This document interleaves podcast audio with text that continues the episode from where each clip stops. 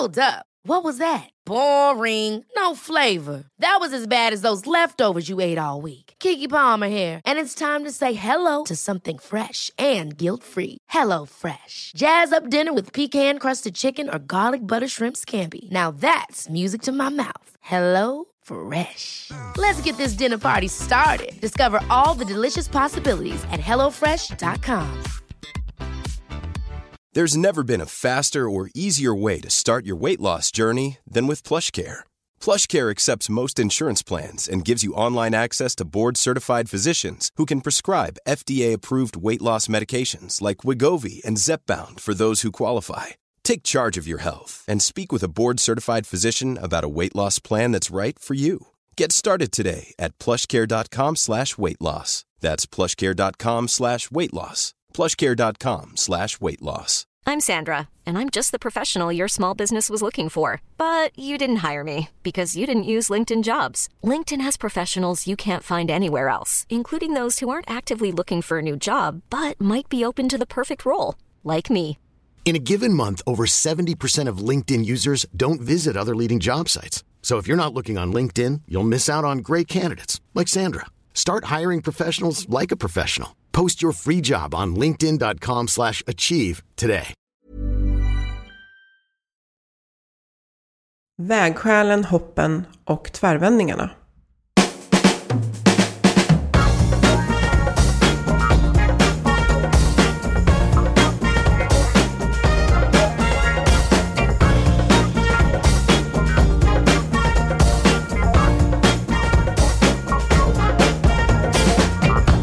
Här är Health for Wealth, en podd om hälsa på jobbet. Vi är Ann-Sofie Forsmark, hälsomanagementkonsult och Boel Stier, copywriter och kommunikatör. Vårt motto är att hälsa och lönsamhet hör ihop om man satsar långsiktigt och hållbart. Men hur gör man för att lyckas? Det tar vi reda på i den här podden. det lackar mot jul när vi spelar in det här Boel, eller det kanske rusar mot jul. Ja, det väldigt känns många. ofta så så här års. Ja, och då tänkte vi att vi skulle bjussa på ett avsnitt som kanske passar under julledigheten när man förhoppningsvis har lite paus och tid för reflektion. Vi ska prata med Caroline Rundqvist. Hon är Head of Cyber Security på PWC.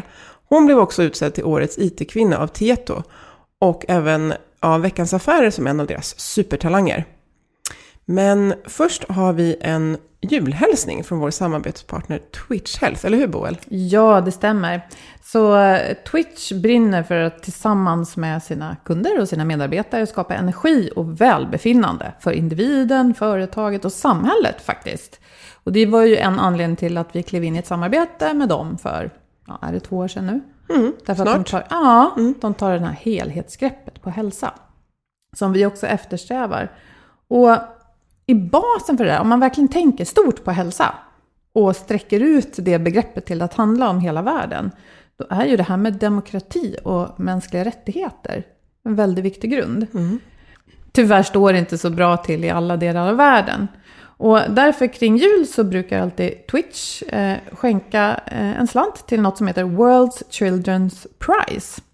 Eh, som sedan år 2000 har utbildat 42 miljoner barn, oj vad mycket, i demokrati och mänskliga rättigheter. Och då är det så här, att just nu så om man skänker pengar till deras ver- verksamhet så finns det en donator som ser till att summan dubbleras. Så hur stor summa som än kommer in fram till den 31 december 2018, om det fortfarande är 2018 när du lyssnar, så, ja, så kan man lägga en slant och den blir dubblerad. Det är ju bra. Eh, Gå gärna in på worldschildrensprize.org.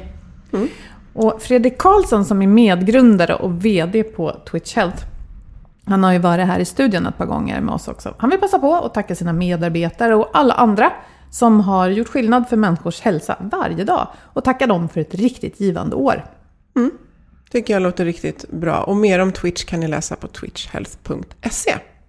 Ja! Välkommen Caroline Rundqvist! Tack snälla. Jättekul att ha dig här. Du har en cool titel tycker jag, Head of Cyber Security. Det är ett hett område, det här med IT-säkerhet. Kan inte du berätta lite mer konkret för oss som inte kanske känner till detaljerna? Vad, vad gör de dagarna? Ja, det är ett väldigt hett område. Eh, det växer. Eh, oron är större och större för alla typer av cyberbrottslighet. Eh, jag skulle säga att jag lägger 85 procent av min tid på att jobba proaktivt, där vi hjälper eh, företag och organisationer att bygga robusthet och motståndskraft mot eventuell cyberbrottslighet. Mm. Eh, och det handlar om processer eller skapa tekniska lösningar som gör att man skyddar verksamheten. Eh, och sen de resterande 15 procenten så, så går vi också in och stöttar bolag när de har haft någon typ av incident eller kris. Och hjälper dem att ta reda på vad är det som har hänt, hur ska man hantera det, hur ser man till att återställa verksamheten så mycket och så positivt som möjligt. Och då låter det som att det proaktiva, det, då blir det ju väldigt tydligt kopplat till eh, temat, alltså cybersäkerhet som man väl säger på svenska. Exakt. Eh, men jag tänker det här arbetet när det har hänt något, det påverkar ju hela organisationen och kan ha många andra eh, efterverkningar än just det, eh, det säkerhetsmässiga. Ja men precis. Och när när man är inne i en aktiv kris, då handlar det ju väldigt mycket om ledarskap, det handlar väldigt mycket om organisationen. Vi har ju liksom inte bara det kommunikativa perspektivet som jag vet att många, kanske PR-byråer och så jobbar med, att, att hur ska man kommunicera externt? Utan vi tittar ju jättemycket på, men vad är det som har hänt egentligen? För det är inte alltid så lätt att veta. Så man hjälper till, eh, ni hjälper till att reda ut det? Exakt, och göra liksom forensikutredningar och titta på vad är det som egentligen har hänt? Eh, hur mår personalen eller de som är i organisationen? just nu? Hur, om man har kunder, eh, hur påverkar det dem? Och sen är ju kommunikationen en jätteviktig del av det där, både externt och internt, men, men det är väldigt mycket större. Mm. Och har du en IT-bakgrund? Kan du liksom fixa det här rent tekniskt? Eller hur ser din bakgrund ut? Nej, eh, det har jag absolut inte. Jag är beteendevetare i grunden. Eh, och har över åren kommit mer och mer in på IT-området. Jag är inte tekniker. Jag kan inte göra ett penetrationstest. Eh, eller jag, men däremot har jag ett team som är liksom experter eh, på ungefär 40 personer som jobbar med etisk hackning och så vidare. Och de är experter på det. Jag tror att det jag kan är att jag kan fungera ganska bra som brygga mellan de som kan IT på djupet och de som inte kan IT, det vill säga verksamheten, eh, och andra delar i ledningsgruppen som kanske inte har IT-bakgrund. Att liksom hjälpa till att översätta, vad ja. betyder det här och så vidare. Det tror jag är en jättevärdefull kompetens, för när du sa, vad sa du nu, etisk hackning, etisk hackning till exempel, ja. då, då, då försöker jag få en bild av det i huvudet, men jag får inte riktigt till, vad är en etisk hackning? Jo, men det handlar om eh, att man eh, hjälper hjälper, man gör inte för att sätta dit eller utnyttja svagheter, men man hjälper bolag. Säg att vi har en bank som kund till exempel. Då provar vi, kan vi hacka oss in i era system? Eh, kan vi göra det utifrån? Kan vi göra det i någon av era appar eller så vidare? För att då visa på att ja, men på de här fyra ställena kommer vi in. Och det betyder, kommer vi in, då kommer andra in. Mm. Och då måste man täcka till de hålen. Mm. Um, så då påvisar vi dels var liksom bristerna eller säkerhetsluckorna finns, men också rekommendationer kring ja, men utifrån de luckorna prioritera dem på det här sättet. Eller det här ser vi att andra kunder är jätteutsatta för och så vidare. Mm. Så vad intressant. Ni söker sårbarheter och Exakt. luckor. Ja. Och hjälper att stärka upp. Exakt. Ja, superspännande. Jag läser här i motiveringen i utnämningen du fick från Tieto, Årets IT-kvinna. Så står det bland annat att du har visat att det går att utmana rådande strukturer med tydliga mål. Och därmed få in fler kvinnor i IT-branschen. Caroline har skapat sig en position och mandat att förändra. Kan inte du berätta lite vad det är du vill förändra? Ja, var ska jag börja? så känner jag det. Nej men så här, jag, IT-branschen generellt är det ju betydligt mer män än kvinnor. Eh, och inom säkerhetsbranschen eh, och, och mitt område så är det ju eh, det finns en sanning om att det inte finns så mycket kvinnor inom området. Och jag håller inte med om den sanningen. Jag tror att det handlar jättemycket om att de som sitter på det här området idag, i och med att det har varit historiskt sett så mansdominerat, så gör det också att det är väldigt mycket män som sitter på de höga positionerna. Och eh, även om man vill så har man kanske svårt att veta var hittar man kvinnorna. Därför att de är inte, finns inte kanske i ens naturliga nätverk. Väldigt många har ett förflutet inom försvaret eller polisen som också är mansdominerade branscher. Så man letar eh, ja, men i sina kanaler som är mansdominerade. Eller mm, består av väldigt mycket män och samma typ av män. Och eh, jag vill utmana den sanningen. Jag tror att det handlar om att rekrytera på andra ställen. Eh, det kan vara så enkla grejer som att uttrycka sig annorlunda i rekryteringsannonsen. Jag ser så ofta att det står liksom, ja men nu rekryterar vi en IT-ninja och liksom att man använder en, ett ordval eller en nomenklatur som jag tror kanske fler män än kvinnor kan identifiera sig med. Liksom. Och det gör också att det söker fler män till den här typen av roller och så. Um, jag blir nyfiken, mm. för jag tänker bara begreppet IT var ju en gång i tiden något väldigt specifikt som bara några höll på med på en avdelning som då kanske var ganska liten. Exakt. Och idag håller vi alla på med IT hela tiden. Mm. Exakt så. Mm. Och det gör ju också att man behöver inte ha den typiska, man behöver liksom inte vara programmerare eller kodare i grunden utan att förstå, men alltså tekniken och IT är ju bara ett medel mm. för att få ut sitt budskap eller skaffa fler kunder eller driva sin verksamhet eller förändra världen eller vad det nu kan vara. Mm. Och det gör ju att alla jobbar ju nästan idag med IT på ett eller annat sätt. Um, och det... jag tänker också, förlåt att nu Nej, avbryter jag. Ja. Nej, men jag jobbar med en del IT-företag dagligen och det jag har förstått är väldigt viktigt för många IT-bolag nu är att visa hur de kan vara en sån här brobryggare bland annat, som du nämnde. Mm. Att man kan inte bara sitta på sin ände och vara teknisk, för det är inte det folk är intresserade av att köpa. Det, det är, liksom, det är en hygienfaktor mm. mer eller mm. mindre, utan det är kanske hur man levererar. Exakt. Och just att man får förståelse för vad det är för värde man skapar och så. Mm. Jag tänker också att när du beskriver din roll som beteendevetare, så först oj, det var, och sen så låter det helt logiskt och helt på sin plats. Att vi behöver väldigt mycket av det kopplat till just IT för att det ska bli en brygga till oss som säger att ja, vi behöver det, men vi förstår inte riktigt hur det funkar. Så både liksom kommunikation och förstå beteenden. Och, ja, så det, där känns det helt logiskt. Ja, men jag tycker det, för jag så här, det viktigaste för mig att ha med mig när jag tänker IT, det är ju så här simplicity, simplicity, simplicity. Gör det så enkelt som möjligt. Alla ska kunna använda det, alla ska kunna förstå det. När det blir komplicerat, då fyller det inte funktionen och då tappar man jättemånga användare och så vidare. Och där tror jag att jag kan, med just beteendevetare, mm. liksom bakgrunden, så kan jag hjälpa till att få det perspektivet. Och sen har jag, idag har ju jag ett team som jag leder och, sen kan, och där tycker jag ju att i min liksom ledarskap så använder jag mig av beteendevetenskapen hela tiden. Liksom. Mm. Ehm, allt ifrån när det uppstår svåra situationer eller liksom privatlivet det händer saker i privatlivet för min, mina teammedlemmar eller ja, sådär. Så att ligga nära där liksom. Just det, för livet är en berg och dalbana. Både, både det vanliga hela livet och yrkeslivet. Ja, mm. exakt. Och det är lite det vi ska prata om idag. Mm. Vägval och allt möjligt. Mm. Vill du berätta om något intressant eller svårt vägval du har stått inför i ditt liv? Eh, ja, men jag gör ju det hela tiden, får jag säga.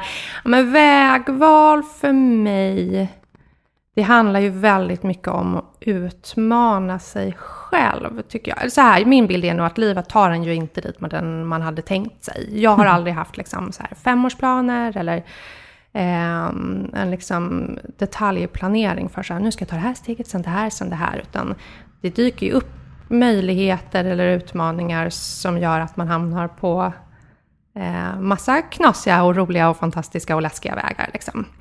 Eh, så att jag tycker det där med vägvalen, det handlar ju väldigt mycket om eh, att vara utanför sin komfortzon och våga göra saker som man kanske inte, eller så här, att göra saker ändå som man inte riktigt vågar. Mm. Liksom. Mm.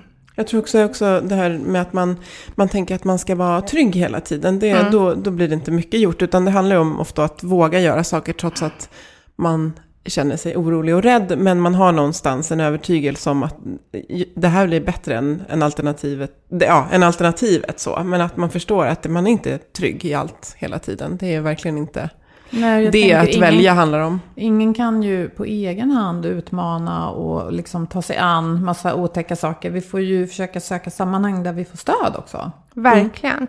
Och jag kan tycka, nu har jag liksom jag drivs ju lite av och går igång också på att så här, kliva åt sidan eller göra grejer som jag inte alls eh, törs egentligen.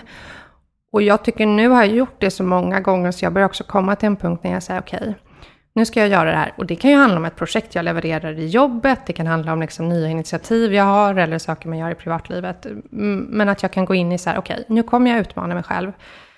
Det tycker jag, eller det här, jag tycker att det jag ska göra nu är jätteläskigt. Det gör att jag behöver så här, ja men jag behöver ta hand om min sömn, jag behöver mm. träna, jag behöver äta bra. För att om jag börjar slarva med det och gör superläskiga saker som jag känner mig nervös och pirrig för, då blir det för tufft liksom. Mm. Och det där är jätteviktigt, för då, då bygger du din trygghet inom? För jag, tänker, jag tänkte fråga dig innan du förklarar det här, men jag tänker mm. var, var, hittar man, eh, var hittar man modet och tryggheten? För jag tänker, jag är nog en liten trygghetsknarkare kan jag tänka, fast folk nu uppfattar mig som att jag är ganska modig. Men eh, när du säger så här, oh, jag gillar att utmana mig själv, så, här, så jag blir så här, åh hur gör man? Alltså var mm. hittar du eh, tryggheten? För att, som vi, vi pratade lite om innan, som vi kommer till också, tror jag att eh, Ibland så applåderar ju folk när man vågar, men man kan också få, få en del skit rent ut sagt när man gör saker utanför boxen. För det är jobbigt för en själv, men det också kan vara jobbigt för andra. Så att mm. förutom att sova och äta bra, hur, var hittar du tryggheten att våga? Um, nej men jag tänker två saker. Uh, det ena, och som jag tror är, eh, för du frågade om, om vägvalen tidigare, ja. som jag också tror hör ihop med det, det är att jag hade förra året lyxen att gå en så ledarskapsutbildning som var väldigt omfattande och gedigen. Eh, och som bestod av att man under tre veckor utspritt, utspritt på ett år, så det var liksom eh, tre tillfällen, en vecka i stöten när man fick jobba med sitt ledarskap. Och det här handlade liksom inte om så här, men det var liksom inte en snabb väg till ledarskap, utan första veckan, det var en vecka i Frankrike när vi bara jobbade med att landa i så här, var har jag mina värderingar? Vad är viktigt för mig? Vad kan jag kompromissa med och vad kan jag inte? Och det var ju världens lyx. Och jag, det är ju inte alla som har möjligheten att gå en sån ledarskapsutbildning, men jag tror att att söka det där och liksom försöka landa i, men var har jag min känsla? Vad kan jag kompromissa med och inte? Och jag tror att det den veckan framför allt gjorde för mig, det är att, eh, att jag känner så stadigt i så här, men det här står jag för. Mm. Det, här vill inte jag, det här vill jag inte skriva under på. Och det är jätteskönt på jättemånga sätt. Men det gör ju också att jag så här i magkänslan bara kan hamna i situationer bara, nej men det här är inte, det här känns inte, lirar inte med mina värderingar, det lirar inte med vem jag är eller vem jag står för. Och då hamnar jag ibland i lägen när jag känner så här, men jag har, ingen, jag har inget val än att, jag har inget annat val än att liksom uttrycka det eller försöka göra någonting på ett annat sätt mm. och så vidare. Liksom. Kan inte du berätta om något konkret exempel? Där, du har, där det här har påverkat dig att agera på ett sätt som du kanske inte hade gjort innan? Jo, men jag tycker det var så intressant när jag gjorde det där, för mina värderingar, det landade ju väldigt mycket i så här... När jag skalade bort allting annat och fick så lägga undan telefonen en vecka och liksom... Så bara, men det där med så här prestigekarriär, allt det där, det fanns inte hos mig liksom. Utan det handlade väldigt mycket mer om så här Eh, ja, men nära relationer, eh, familj är jätteviktigt för mig. Eh, nu glömde tappade jag frågan på. Kom jo, jag av mig. Ja, nej, men det är jättehärligt för att du går in i tankarna. Ja. Um, nej, men jag tänker att har det lett till något konkret beslut som du har fattat som kanske var svårt? Um, jo, men jag, jag, tror att det här med, jag känner ju väldigt, väldigt starkt för jämställdhet. Och jag hamnar i liksom mindre situationer hela tiden, där det är en sån grej som för mig, när män får massa fördelar för att det alltid har varit så, eller därför att strukturen ser ut så, eller att kvinnor inte släpps in. Då, det är en sån situation, då går jag igång liksom. Och då kan inte jag låta bli att agera. Och det gör jag i det lilla, i det stora, varje dag. Jag tror en konkret grej, det är ju, ja men, Även på min arbetsplats där jag jobbar så är det ju eh, betydligt många fler män och vi ser att eh, det vi ser också är att ju längre upp i, ju högre upp i åldrarna man kommer och när, när män och kvinnor börjar skaffa barn och familj och sådär så tappar vi kvinnor på vägen. Och det där är ju så intressant. Och jag tror inte att det handlar om en sak, jag tror att det handlar om flera olika. Men, men jag kände nog väldigt starkt att, så här, men att fånga den gruppen, att bygga, starka kvinnor är en sån grej som jag vill göra. Skaffa, nä, bygga nätverket också för att jag kan uppleva ibland att, ja, men liksom, jo men man får sitta vid bordet men man är inte, man kommer inte hela vägen igenom i besluten eller liksom i, när man uttrycker sig och så vidare. Men att skapa nätverket och boosten kring att det ska bli annorlunda och det finns andra nätverk och så vidare. Så då skapade jag på min arbetsplats ett kvinnligt nätverk till exempel. Därför att jag kände så tydligt att men det där är någonting ja, men för de yngre kvinnorna och för de som liksom kliver av på vägen eller som känner det här kan inte jag kombinera med familj och så vidare. Det är väl ett sånt konkret. Mm. Um, men jag blir nyfiken nu därför att du, du sa att en sak du upptäckte under den här veckan mm. var att nära relationer och familj betyder väldigt mycket. Mm. Och sen nämnde du lite senare det här att många kvinnor antingen hoppar av självmant mm. eller inte släpps in. Vi har inte definierat ännu vad som är vad och det kan mm. vara olika vid olika tillfällen. Men någonstans verkar det finnas ett glastak som slår till när vi bildar familj. Ja. Trots mm. att vi har mm. eh, pappamånader och sådana saker. Och trots att fler och fler män ändå mm. tar ut föräldraledighet. Mm. Och ja, men vad säger du själv? Vad är viktigt här då? Är det att kunna fortsätta att ha ett, ett liv där familj och relationer får ta en stor plats och ändå sitta i ledningsrummen, ha höga positioner, ha mycket makt och inflytande? Eh, absolut. Jag tänker, jag, jag, hörde för ett par veckor sedan, eh, kommer jag faktiskt inte ihåg källan, men de hade tittat på effektivitet hos olika grupper, grupper och då hade man jag tyckte resultatet var så intressant därför att man hade sett att den gruppen som är mest effektiva på arbetet, det är småbarnsmammor. Mm. Alltså kvinnor som har små barn. Den gruppen som är minst effektiv och som får minst gjort, det var män som har små barn. Och det här mm. tycker jag är så himla intressant, för jag tror också att kvinnor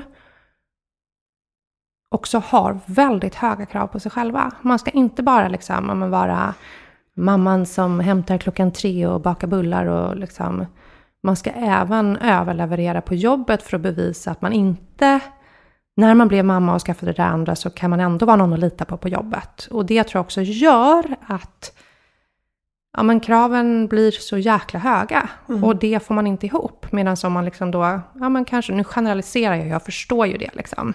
Men om man som om, eh, man kanske tänker, ja men, ja men jag har små barn nu, det får liksom, jag kan inte överleverera men jag vill ändå sitta vid bordet och då blir det mm. inte lika jobbigt liksom. Mm. Jag håller med. Tänk om vi kunde rusta det där. För jag tänker det är ju två delar. Det ena är ju så jag också kan känna att när jag hör ofta att folk säger ja men det kan jag inte göra nu för jag har små barn. Och då är det så här, nej okej du kan inte pendla och jobba utomlands på veckan. Alltså mm, mm. så. Men när det handlar om att backa från till exempel en chefsposition eller en spännande utmaning. Då är det hela tiden som att vi lätt, och kvinnor då framförallt, och jag generaliserar också nu, men fastnar i att vi tänker att nej men det här kommer kräva så mycket av mig så att jag inte kan vara en bra förälder. Mm. Men om vi, om vi bryter ner det och tittar på vad det är som faktiskt krävs så är det ju sällan att sitta på jobbet tio timmar per dag. Utan med all teknologi och allting vi har eh, så kan vi ofta få till, för det vi vill åt från den här kvinnan ofta, det är ju hennes kompetens. Och den är inte ett visst antal timmar per dag. Eh, och, att, och sen behöver vi samtidigt då jobba på arbetsplatsen med att visa på de här öppna dörrarna. Där vi också visar att vi vill ge dig den här möjligheten. Vi förväntar oss inte att du ska bo på jobbet och liksom mm. skaffa barnvakt till barnen. Utan det kommer att gå att lösa. Det är klart att det ibland kommer bli knepigt. Så vi behöver ju men jag känner mycket att jag brinner för det där, att just rusta i, även fast jag sa att jag själv kan vara feg, att när någon säger ja fast det kan jag ju inte göra för att ja, nu har jag ju barn och allting. Och bara, men du behövs. Alltså de här människorna behövs ju att visa att det går att göra karriär och ha liksom, tuffa roller trots att vi faktiskt får ihop livet. Mm. För det går. Ja, men det går. Och jag tror att det man också kan behöva är hjälp med prioriteringen. Att man är sådär, ja men nej, det går inte att jobba tio timmar. Eh, gör inte de här tre grejerna. Gör de här fem grejerna. Liksom. Eh, och hjälpa till med den prioriteringen. Och också sortera ja, men massa andra influenser och krav som jag och jag tror kvinnor generellt upplever. Igår fick jag liksom ett, ett reklammail eh, där det stod så här. Julen kommer tidigt i år, nu har vi 50% rabatt på botox. Ja. Och då kände jag så här, ja ah, men fy fan liksom. Det här, Ja, men det, och jag måste ju ligga i någon målgrupp där man har tänkt så här, ah, men 39 år och kvinna, hon, det, Nu är det där dags. botox- nu är det Ja, dags liksom. Mm, för du vill vara slät. Ja, Exakt, och jag kan Mm. känna sådär, men det handlar inte bara om att man ska överleva det där på jobbet och vara en superbra mamma. Man ska också vara skitsnygg och vältränad och äta plantbaserat och liksom rädda världen och Mm. bla bla bla bla. Och, ju- och jag tror, sen är man ju barn av sin tid och jag kämpar också med alla de där grejerna, men jag kan också väldigt tydligt vara så här, de här grejerna, det här vill jag inte göra. Det Mm. här racet vill jag inte vara med i liksom. Om vi kommer in på om man tänker vägskäl, för att du, du, du, precis, du är medveten om de här, för det här är ju såna knasiga normer som vi lätt matar i sociala medier. Och jag gillar också att prata om det här, att det, det är inga sanningar, vi måste bryta dem. Men jag tänker att, eh, har, du, har du kommit till ett just vägskäl där du bara känner att nej, nu bestämmer jag att det här bryr jag mig inte om. Jag vill inte signa upp för 50% botox. Alltså, har du, kan du liksom dra dig till minnes att du har liksom, ett, att det varit just ett vägskäl när du känner att nej men nu, nu vet jag vad jag bryr mig om. Var det kopplat till det här med värderingen eller har det kommit tidigare så?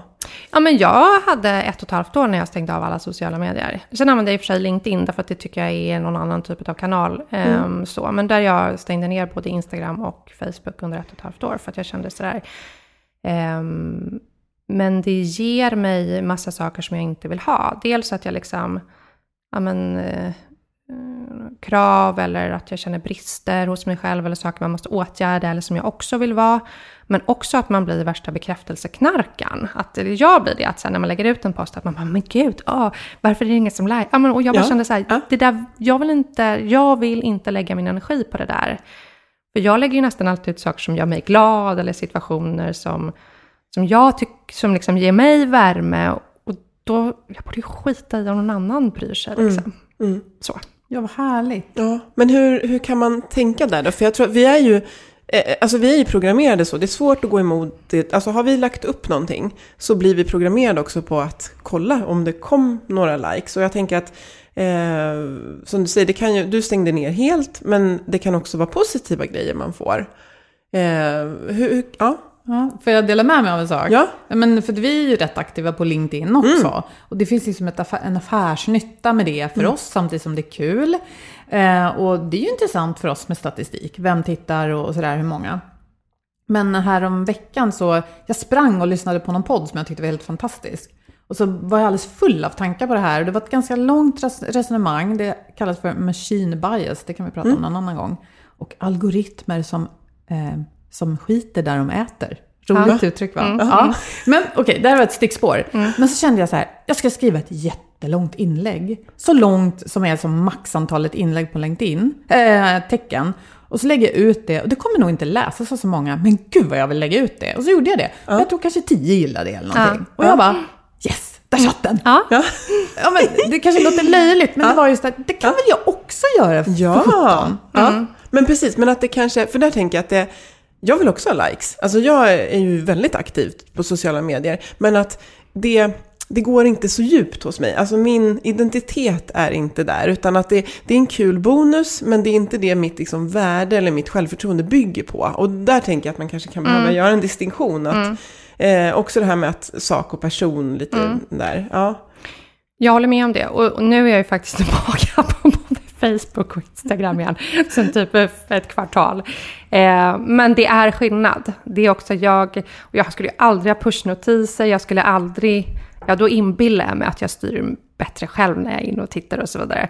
Ehm, Ja, men jag tänker bara att ta sig tiden för den där reflektionen. Vad är det som gynnar mig och vad Ja. som inte gynnar mig? Och som du brukar säga, Annie, långsiktigt. Att just det här, här och nu, ja men så. Få behålla den här inre kompassen, få skriva om någonting som ingen inte, annan Nej, är inte- intresserad nej. av att jag skriver om i alla fall. Men, ja, men, ja. Men jag tänker just det där med att eh, vi kommer tillbaka till att våga och att hitta, liksom, hitta trygghet. För att vi står ofta inför, alltså vi fattar enormt mycket beslut under en dag. Men, men jag tänker att många, många sitter med en, med en önskan om någonting de vill förändra. Eh, och du känns jättemodig. Jag vet att Boel är ganska modig också. Hon kastas ut från flygplan och grejer. Men, eh, och jag kan nog vara modig ibland. Men eh, jag tänkte på det du sa där med värderingar. Att jag tänker att ja, det är ju när jag är i kontakt med mina värderingar. Då är inte saker så läskiga längre. För att Nej. när jag tar besluten den vägen, vilket jag sitter med sånt just nu, då eh, och jag behöver det här jätteflummigt. Jag och Agnete, vår tekniker, pratade om det här att eh, jag behöver ut i skogen för att hitta Mm. mina värderingar. Alltså så krasst är det. Om jag kommer ut i skogen, då skalar jag av intryck och så känner jag efter, vad är viktigt för mig? Och i det här beslutet, ska jag gå vänster eller höger? Och det är så klart. Mm. Sen är det jobbigt att ta det och göra det, men jag bara, nej men jag vet, jag har ju landat i magen. Så. Jag måste fråga dig, för att den där aha-känslan kan jag också känna igen just när man får tid att vara lite kanske i fred. Ibland helt själv, men ibland i sällskap med någon som är ett viktigt bollplank eller nära vän eller så. Och då kan jag känna igen att ibland i livet har jag fått de här aha-upplevelserna, det här är viktigt, det här ska jag göra, ingenting annat. Och sen när jag liksom kommer tillbaka i den vanliga världen och allt är som vanligt, då blir det som att Ja, som att du vet, man har drömt något eller, eller oj, var jag lite berusad där ute i skogen? För plötsligt, plötsligt framstår det inte som så självklart och det blir lite otäckt. Har ni varit med om det också, att man tvivlar sen? Ja. Och då är det inte så lätt alltid att hålla i det där som verkar klart.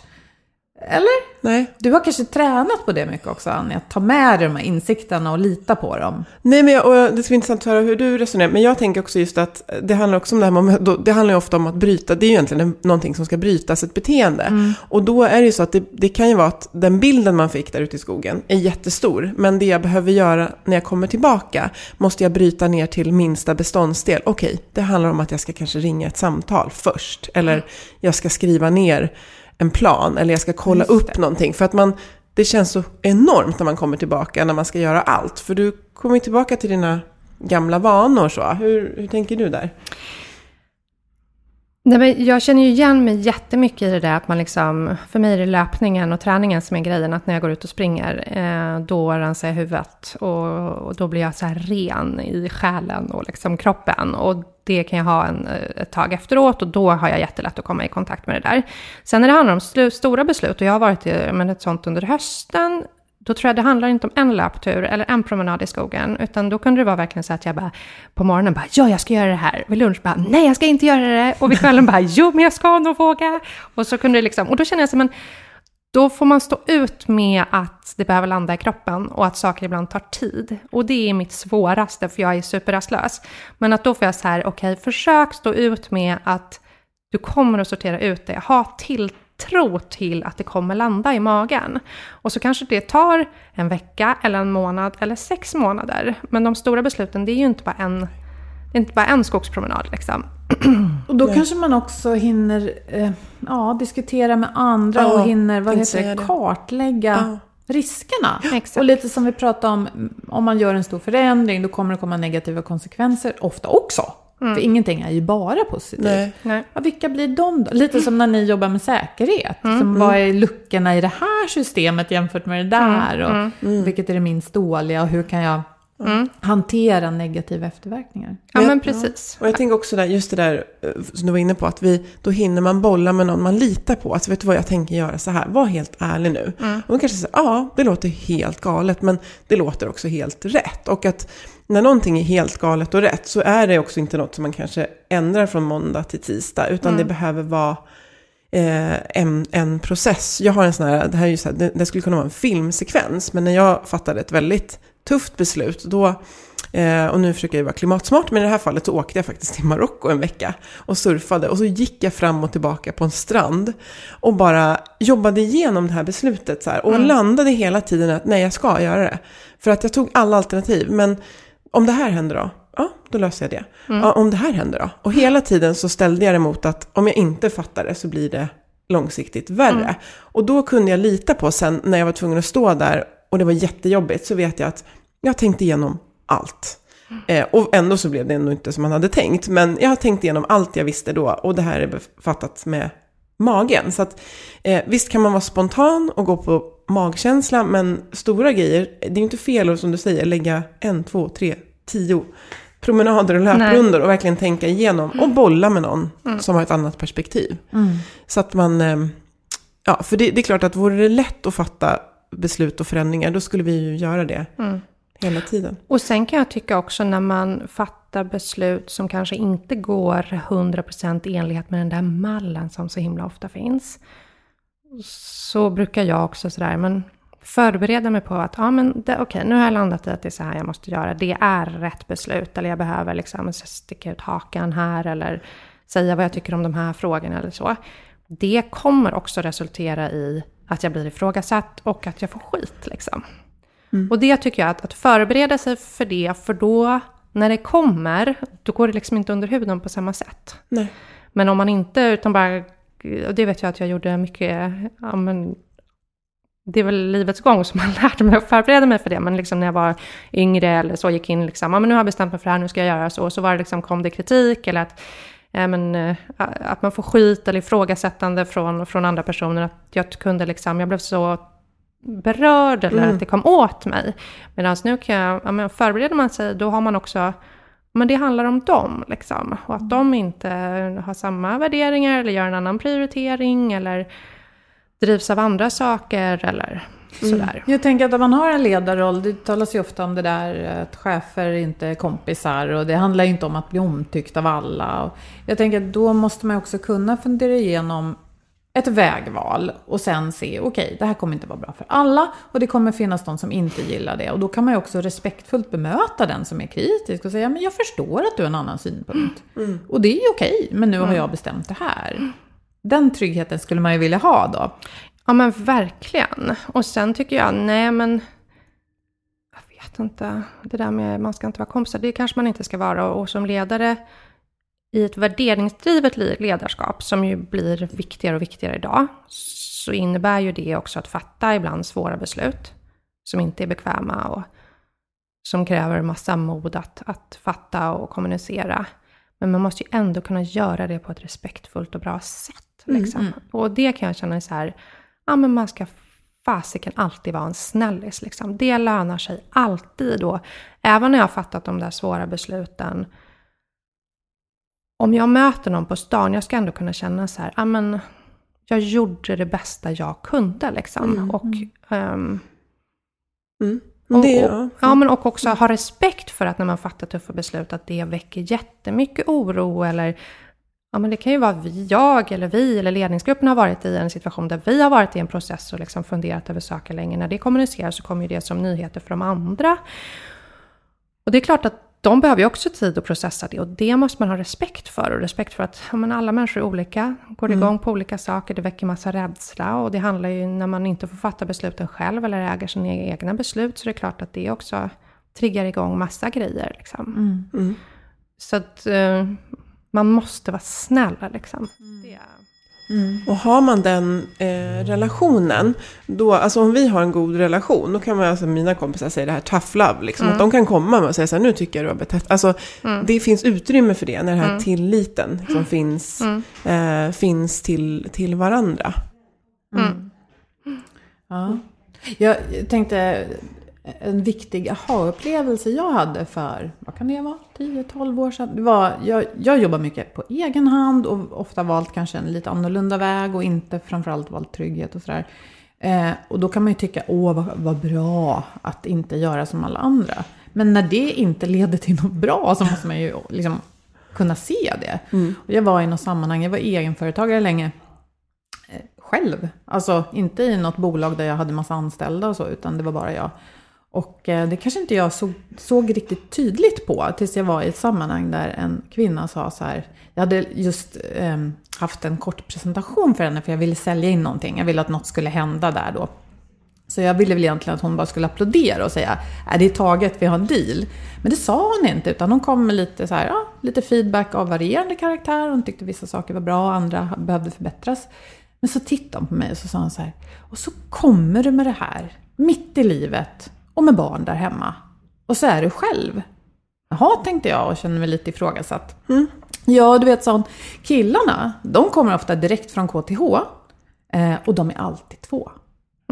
Ah. Och just där och då kände, kände jag bara att det kröp lite i mig. Men det där satte igång jättemycket saker för mig.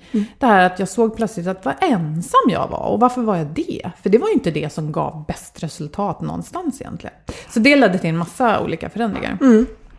Och sen det är ju viktigt tycker jag att prata om, eh, nu är det ju så inne och så här, ja men misslyckanden och fail och det finns allt ifrån liksom fuck up nights Ja, när ja. folk ska dela hur de misslyckades en gång och sen blev det helt fantastiskt. Ja. Men s- det går ju liksom inte att komma undan att gör man grejer man inte har gjort förut, kliver man utanför sin komfortzon, då kommer man att misslyckas. Ja. Och det kan vara så jäkla jobbigt liksom. Ja. Och det kan Ja. sätta ja, men, massa självtvivel. Och, Mm. Men då gäller det också att ha liksom, ja, men, eh, liksom laddat lite för det innan. Och ja, men jag har de här personerna som kommer liksom gilla mig ändå. Eller som kommer att liksom stå, stå bredvid mig ändå. Och sen också sådär efteråt, när man är över att det är skitjobbigt, när man har kommit ur misslyckandets Mm. skam, eller vad det nu är man känner, liksom, så har man ju lärt sig skitmycket. Oh ja, ja verkligen. Så. Ja. Ja, jag måste bara säga en sak där. Jag tycker det är fullt av, och har alltid varit fullt av i tidningar och medier av så här, eh, person X delar med sig. Det var så tufft när jag var ung och jag var en sån bråkstake. Men nu är jag en framgångsrik företagare. Yay, alla kan lyckas. Och så tänker jag så här, men hur gick det för dem som inte blev framgångsrika? Alltså det är så himla lätt att prata om misslyckandena efteråt när det har gått bra. Ja. Men vi tappar ju alla berättelser där det inte har gått bra. Nu menar jag inte att man inte ska våga misslyckas, men ni förstår lite hur jag tänker. Jag skulle vilja att det var mer okej att prata om det som är jobbigt nu. Men det vet jag inte själv om jag ens vågar. Nej. Men jag bara vill säga det. Mm. Nej, men jag, jag tänker också där att eh, väldigt så här, nära reflektion att så här, men om det här inte blir bra, det är första gången jag gör det för 17 gubbar. Hur sannolikt är det att det ska bli helt perfekt egentligen? Exakt. Men om jag reflekterar under processen och va, så lär jag mig och då kommer det bli mycket bättre nästa gång. Men jag kan ofta tänka där att jag har inga problem med om det går åt pipan för mig.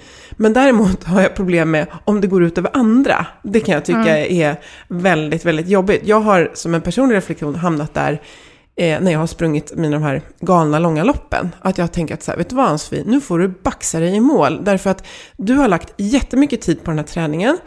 Eh, din man står och väntar i målet och vi har liksom offrat hela helgen för det här. Och om du failar nu, då är det en massa andra människor som har fått ställa upp för dig. Så ibland får man ju ta de här andra liksom, perspektiven också. Men Eh, precis, jag tycker man ska liksom fundera på vad misslyckanden faktiskt betyder och inte tro att det är något man bara ska... Eh, att det, är, det är klart att det är bra, för man lär sig av dem, men att vara... Hur, ja, jag tänker vad att kan man måste mig? ta sig ur dem också. Och då är i alla fall min lärdom, apropå det där jag sa tidigare, att man behöver ju andra människor. Och det hade jag behövt säga till mig själv mycket, mycket tidigare. Att det är okej att be om hjälp och, liksom, och Ja. säga så här, nu går det jättedåligt. Mm. Men det är Ja. inget roligt. Nej. Nej, det är det inte. Men det eh, tycker jag också att det har livets gång också lärt mig. Att just det där med att be om hjälp. ehm, och försöka sådär. ehm, ja, men andra kanske inte förstår att man tycker att det är jobbigt. Eller att man har det supertufft eller sådär. Att, också att, att ibland är det ju väldigt uppenbart. Men ibland också att säga så här, äh, men nu är det liksom. Nu är det supertufft och jag behöver hjälp. Så. Och sen tror jag också så här. Eh, jag kan bli, jag är otroligt noga med så här, sömn, mat och motion när jag har tuffa perioder. Det är jag i och för sig alltid, för att för mig är det, det är grundpelare. Men, men det blir ännu viktigare när det svajar. Liksom. Och det tror jag också att det är väldigt lätt att, om att det är svårt att sova när det är tufft eller att man liksom, uh, inte har, tappar aptiten lite eller inte tar sig tiden att träna för man är så himla trött och orkar inte och så vidare. Men att försöka men, tvinga sig själv att göra det där, för det är också en positiv spiral och gör att det är lättare och... eh, ja, men, och Ja, och jag tänker också så här, lite praktiska rutiner kanske kan vara något skönt att hålla sig i när det blåser. Men också att det, det stärker ju hjärnan att fatta beslut. Att är det någonting jobbigt vi behöver fundera på så vill vi ju ha tankekraft att resonera på ett sunt sätt. Och det får vi faktiskt genom att röra på oss, genom att sova ordentligt och så gott det går. Och också att äta bra. För att annars så blir det bara ännu svårare att reda ut vad som är rätt och fel och sådär. Men vi kommer tillbaka till det här med att vi vi behöver ha folk vid vår sida. Det är inte alltid samma person fyller alla roller, utan ibland så har man en, en person som man ringer och grinar hos och så har man en annan som man behöver bolla tuffa beslut med. Men man står liksom inte själv så. Nej, kan vi inte säga, nu är det ju snart jul när vi spelar in där. Kan vi inte säga det, runt jul brukar man ju ofta prata om så att man ger pengar till bra verksamheter. Kan vi inte säga att våga be om hjälp i jul? Ja, men verkligen. behöver Bra det. råd. Ja. Ja. Ja. Ehm, och det tycker jag också, om jag tänker ur mitt egna perspektiv, när folk kommer till mig och är så här, gud det här, jag sorterar inte ut det här, eller jag har liksom, jag, det här är supertufft för mig. Det bygger ju också relation och det bygger ett annat djup i relationerna. Så att, att göra det är väldigt sällan dåligt, liksom. Att be om hjälp menar jag då. Utan det skapar en annan typ av relation och att... ehm, ja. Delad sorg, halv sorg brukar man säga. Men jag känner, det är ju samma med problem och utmaningar. Att, att, att dela det med någon. Bara man ibland sätter ord på det själv så får man en, en tydligare bild av, av vad det är. Men det är ju absolut, det stärker ju oss i relationer också. Och då tänker jag så här, kan inte ni som lyssnar hjälpa oss? För vi behöver er för att göra en, eh, en, ett bra program. Vi vill ju veta vad ni tänker och tycker. Dela med er av egna välval, funderingar och kanske till och med problem som ni står i just nu. Om ni vill och vågar. Tack Det så hemskt mycket för att ni lyssnade och tack Caroline för att du kom hit. Tack snälla. Vi tackar Twitch Health, vår partner, och Agda Media för den här produktionen. Och om ni lyssnar före jul så önskar vi en riktigt god jul god ledighet. Och annars gott nytt år. Och så hörs vi igen snart. Hej då! Hej då!